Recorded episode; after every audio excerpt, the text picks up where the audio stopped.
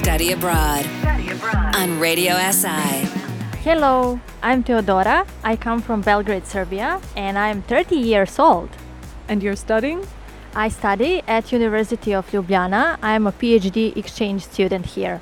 So why have you chosen Ljubljana? I like it because it is near my country. It is not too far away, and my friends from Serbia they have a very positive experience from different cities in Slovenia, and they told me to pick uh, Slovenia. Was there something that surprised you that wasn't quite as you thought it would be? Yes, actually, for me it was surprising. It was a very high expenses of rent, and as it was very expensive for me, I had to find a roommate. So it is actually the first time I'm living with a roommate because I was uh, living alone so far in Serbia. What would be the living costs for a student to get by for a month in Belgrade? Well, in Belgrade, for example, for 250 euros, you can have a whole small flat for you. While here, I'm renting a room in a shared apartment, which is not in the center of Ljubljana, for the same price. What was the hardest thing to get used to here? Oh, well, the hardest thing I had to find a roommate to live with because of high expenses. And also, Sunday, nothing is working, which was a hard thing to get used to. You probably do notice how things go here in Slovenia, how the system is organized when it comes to studying. Have you noticed any differences?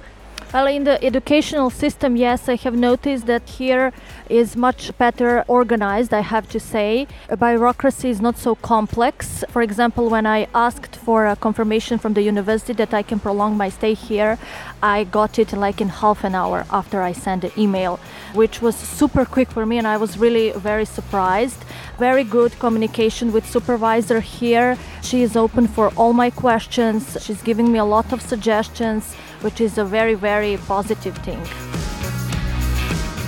Well, you did say Serbia is not that far away, but still, what have you found that you miss here now that you've been here for a couple of months? Well, cafes and restaurants were not working here from October until I think April.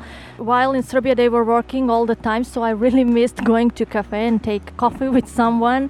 I also of course miss my family and my friends. I didn't have opportunity to know a lot of people here to meet because of corona unfortunately and also the faculty was closed. What will you miss when you go back home? I really miss the nature here. I went to hiking to several places, to Nova Gorica and also Šmarna Gora near Ljubljana. I like that people here are hiking a lot and are physically active. I will miss that. Ljubljana, of course. I liked Škofja Loka as a very nice and authentic city. And on the seaside, I was really impressed with Piran. We'll take a short musical break at this point and we'll be listening to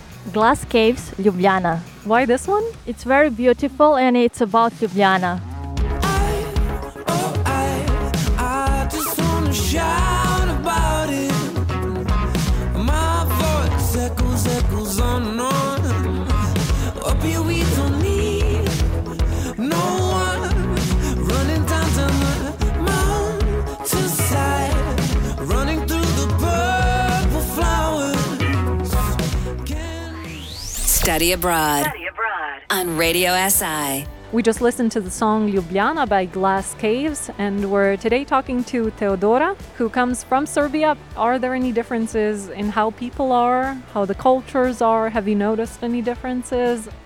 It is quite different. I think here it's more organized, and regarding the people, I see they are very physically active, which is not the case in Serbia. Like on the mountains, I see a lot of people hiking, even very small children and also very old people, which cannot be seen in Serbia for sure. Also, I was surprised that everybody here are recycling. Containers for recycling are everywhere, which in Serbia unfortunately cannot be seen so often, which I really like. It's very clean it's very good organized society. It's a bit slower than in Serbia, not so like busy, but I like this. And people they like their private life, and they want to have time for themselves, which I very like because it is similar to my character.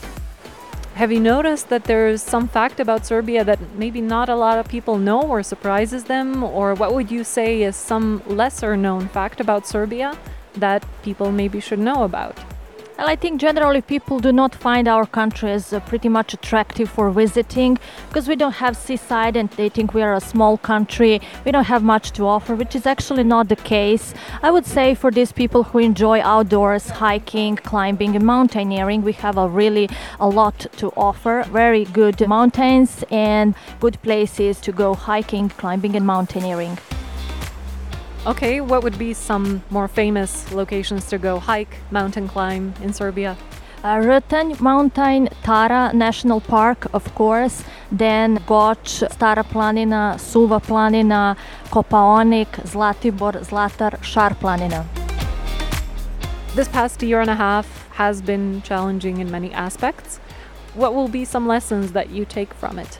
Well, I have to say that even if it was the corona time, it has its advantages, and people maybe become closer. Maybe we didn't go outside so much, but we had a time to meet, closer atmosphere, maybe at homes to celebrate our birthdays or as our uh, Easter holidays or whatever.